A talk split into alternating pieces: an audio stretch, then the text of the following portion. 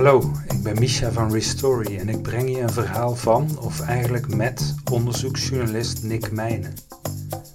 Nick is schrijver, journalist, opiniemaker en activist. Het woord journativist, dat we bij Restory gebruiken, spreekt hem dan ook tot de verbeelding.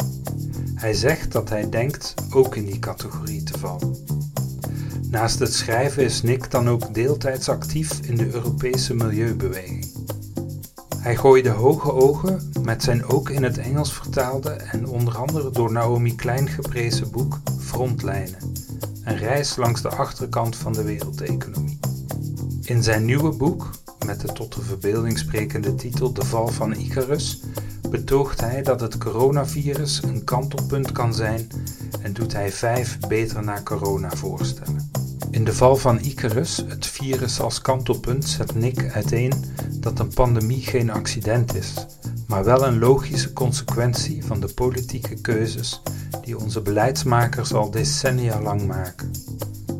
Keuzes die mens en planeet verdrinken in het ijskoude water van de egoïstische berekening. Er is geen weg terug naar normaal, stelt Nick, omdat niets aan de pre-corona-economie normaal was. Met zijn antwoord op vier korte, kernachtige vragen schetst hij de kern van zijn boek en de rol die jij en wij spelen om de huidige pandemie een positieve wending voor de toekomst te geven. Want de echte oplossingen zijn geen ik, maar een wij-verhaal. Na het antwoord op die vier vragen leest Nick zelf een stuk voor van een beter naar corona voorstel uit zijn boek. Nick, wat is het grote idee van de val van Icarus? Wel, het grote idee is dat het aantal en de diversiteit van epidemieën in de laatste 30 jaar gestegen is. En als we dan naar pandemieën zoals deze gaan kijken, dan zien wetenschappers steeds duidelijker de verbanden met een economisch systeem dat zaken voortbrengt, zoals ontbossing in de tropen ten behoeve van overconsumptie door een specifiek deel van de wereldbevolking. Dan zien we ook dat er een overdaad aan cruises is, een overdaad aan luchtvaart, een overdaad aan neoliberale aanvallen op de zorg. En zelfs het macho-gedrag van de wereldleiders achter de grootste massagraven kan gelinkt worden aan de ernst van een pandemie zoals deze. De lijst verbanden en oorzaken is zeker niet compleet die ik in mijn boek schets. Uh, het ene zal een grotere rol spelen dan het andere, maar dat is, dit is wat bovenstaande voorbeelden allemaal gemeen hebben. Ze maken deze pandemie en de wereldwijde milieucrisis almaar erger. En die systeemfouten die waren al aanwezig en de coronagolf legde ze enkel bloot. Maar elke crisis is ook een kans om het roer radicaal om te gooien, om het bedje van de volgende pandemie niet opnieuw te gaan spreiden. Daarvoor heb je natuurlijk concrete voorstellen nodig, voorstellen die ook bovendien in verhouding staan tot de diepere oorzaken van deze en de volgende pandemie. En in mijn ogen moeten alle ernstige beter na corona voorstellen aan een aantal basisprincipes voldoen. Zijn er drie. Principe 1. De oplossing voor één crisis moet ook andere crisissen aanpakken. We kunnen het beperkt beschikbare politieke, sociale, financiële kapitaal niet aan slechts één crisis opgebruiken. Van habitatvernietiging tot cruiseschepen, van overdreven luchtvaart tot luchtvervuiling. Vaak kunnen we twee vliegen in één klap slaan. Zowel een subsidie voor de volgende pandemie schrappen, als de opwarming van de aarde vertragen. Principe 2. We willen toch niet terug naar normaal, want het oude normaal werkte niet. Oplossingen moeten ons naar een betere wereld brengen, niet terugvoeren naar een mank systeem dat zowel de mens als de planeet naar een burn-out duwde. Als we nu niet beter na corona worden, dan missen we een historische kans op het voorkomen van de totale collapse van onze samenleving met nog veel grotere ellende. Het derde principe: een halve of een oneerlijke oplossing is geen oplossing. Een, bijvoorbeeld een platte koolstoftax riep de gele hesjes in het leven. We moeten het oude gebouw van de fossiele economie slopen, maar de mensen die daarin zitten moeten we wel redden. We moeten eerlijk te werk gaan, met zorgzaamheid voor iedereen. We kunnen het toch niet toelaten dat de grootste verantwoordelijke voor deze crisis de rekening naar de gewone mensen terugstuurt. Hoe weet je dat? Ik weet dat de kans op systeemverandering zelden zo groot als nu was door daar veel over te lezen en door rond mij te kijken. Bijvoorbeeld het onderzoek van het Centrum voor Internationale Samenwerking van de New York University, die wees uit dat tijdens de pandemie in veel landen de publieke steun groeide voor maatregelen zoals herverdeling met directe steun voor kansarmen, publieke dienstverlening, minder macht voor multinationals, nationaliseringen, grote overheidsuitgaven en meer belastingen voor de rijken. Dat is onderzoek van de Universiteit van New York. Ipsos deed een bevraging bij 28.000 mensen wereldwijd en 68% zei dat de overheid zou falen als ze nu niets doet aan de klimaatverandering. Waarom moeten we ons dat aantrekken? Kijk, in 2020 kregen miljarden mensen te horen dat ze thuis moesten blijven, soms maanden aan een stuk. Maar meer mensen dan ooit beseffen nu dat we ook na deze pandemie thuis moeten blijven op deze planeet. Ze beseffen dat dit geen pretje zal zijn als we met het oude groeimodel voort blijven gaan. Het model waarmee we virussen losschudden uit de natuur, ze sneller dan ooit verspreiden en de impact van die virussen vergroten. De pandemie van 2020 herinnert ons eraan dat het snel veranderende klimaat maar een van de vele existentiële uitdagingen is waar we als mensheid deze eeuw voor staan. De reden om ons dit aan te trekken is heel simpel. Niemand wil in de toekomst steeds vaker totaal onvoorspelbare pandemieën en bijhorende lockdowns over zich heen krijgen, toch? En wat kan ik doen om eerste stappen te zetten als lezer of luisteraar van de podcast? Wel, de echte oplossingen zijn geen ik, maar een wij-verhaal. We zullen veel collectiever moeten denken als we crisissen, zoals klimaatverandering en pandemie, het hoofd willen bieden. Ik bespreek in mijn boek vijf concrete beter na corona-voorstellen over de voedselketen, mobiliteit, mijnbouw, de coronafactuur en werk. Waarvan ik je nu graag een deel van het concrete voorstel voor de voedselketen voorlees. Het noemt toepasselijk nieuwe wortels. In 1991 sloten acht theatermakers, hippies en avonturiers zich op in hun eigen wereld. Niet als metafoor, maar letterlijk.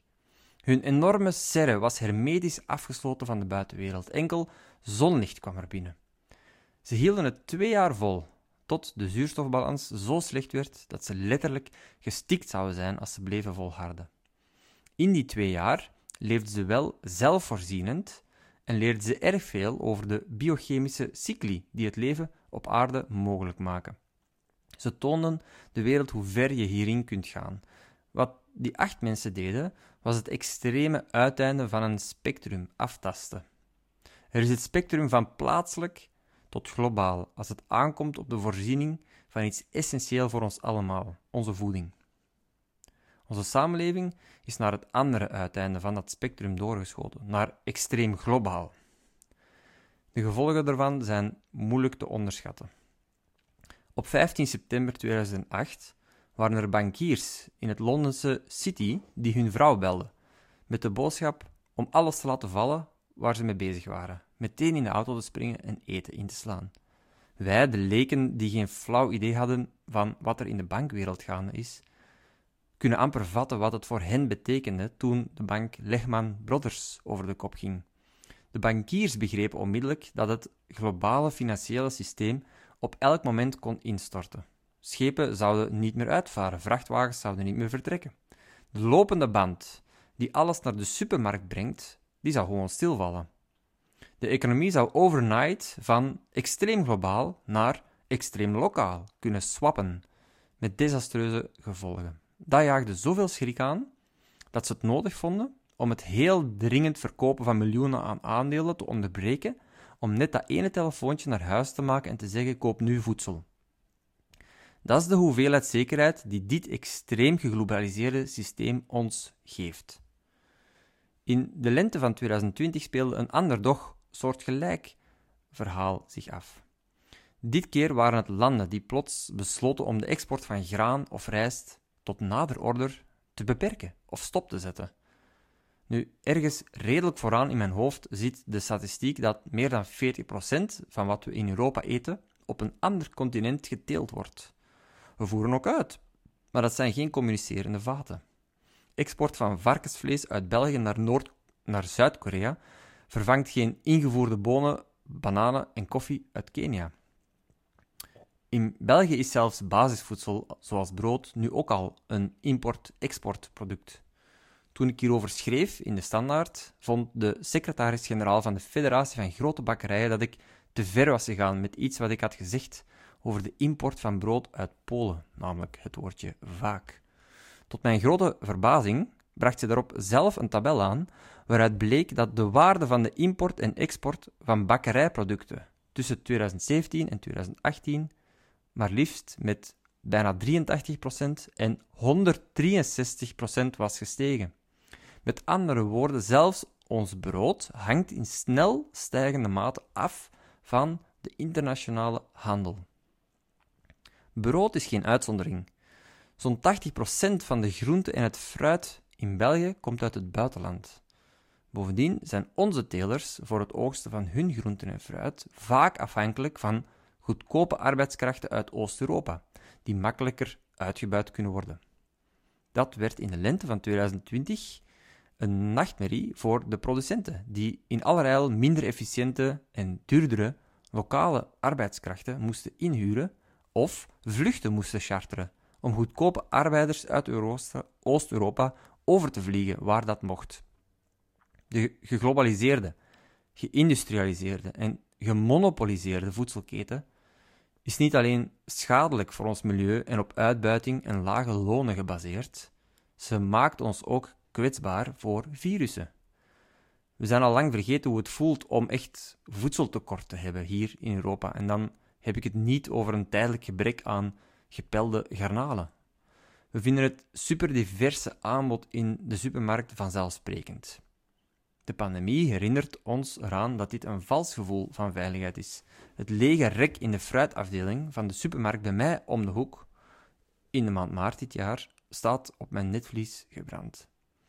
Voor een samenleving van 8 miljard mensen heb je uiteraard handel nodig, ook over de grenzen heen. De vraag is vooral, waar ligt het optimum tussen de totale autarkie die de acht biosfeer proberen te bereiken en de totale globalisering die we nu meemaken. Een grootschalige herlokalisering van de voedselketen is urgenter dan ooit, in combinatie met een heel strategische keuze voor wereldhandel. Hoe? Wel, laat ons klein beginnen.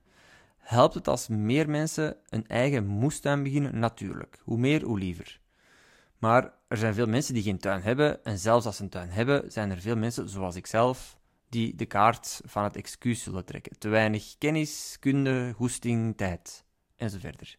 Wie zelf produceert, prima, doe ze voort. Jullie bewijzen iedereen een dienst. Maar er is veel meer nodig.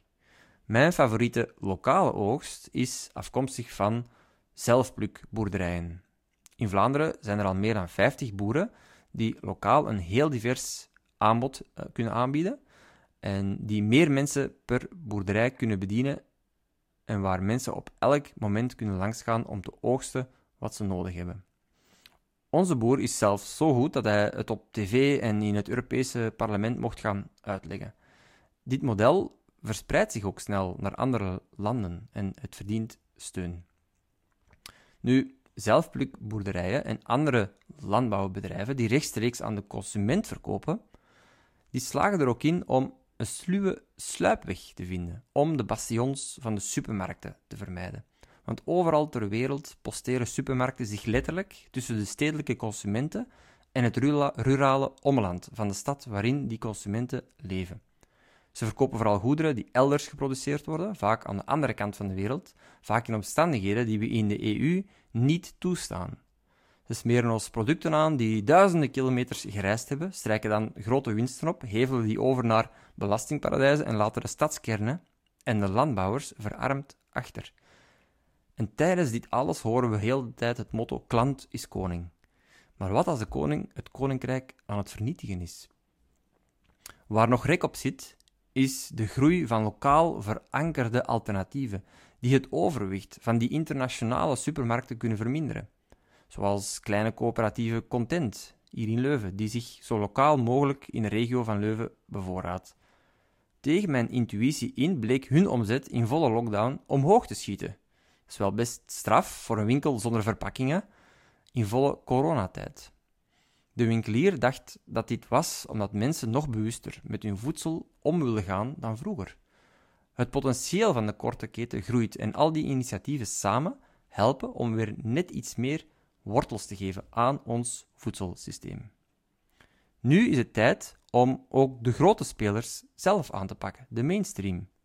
Kunnen voedingswinkels niet verplicht worden om een zeker percentage lokaal of regionaal aan te kopen? Kunnen ze niet verplicht worden om bijna alles wat van ver komt, enkel met het keurmerk van eerlijke handel te kopen? Het houdt nog altijd steek om fairtrade koffie, bananen, chocolade en dergelijke te importeren. Op dit moment trekken internationale supermarktketens voortdurend de macht in de voedselketen naar zich toe, steunend op overontginning, de uitbuiting van kleine boeren en werkkrachten en een internationaal handelsregime dat belastingen ontwijkt, maar kosten afwendelt, op ons, via ons leefmilieu. Het supermarktactivisme begint her en der al op te duiken in Nederland en België groeit er weerstand met initiatieven zoals 40 dagen zonder supermarkt, en een activistische stunt op de drukke Antwerpse Groenplaats, die ik zelf ooit mee organiseerde. Maar er is nog veel meer aan werk aan de winkel. Ten slotte is er nu ook een momentum om de megastallen van de managers aan te pakken, die zich als boer voordoen. Het debat daarover barstte eindelijk los en de bijdrage van de vleesindustrie in de pandemie is buitenproportioneel groot. Wie daar meer over wilt lezen, zie de reeks artikels bij Apache, de reeks bij De Standaard, mijn kleine bijdrage aan het debat op VRT eh, Nieuws en uiteraard het boek De Val van Icarus, het virus als kantelpunt.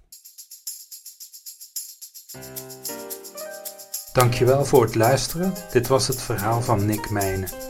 Voor meer verhalen van denkers en doeners van de nieuwe tijd, surf naar www.restory.be. Tot de volgende keer.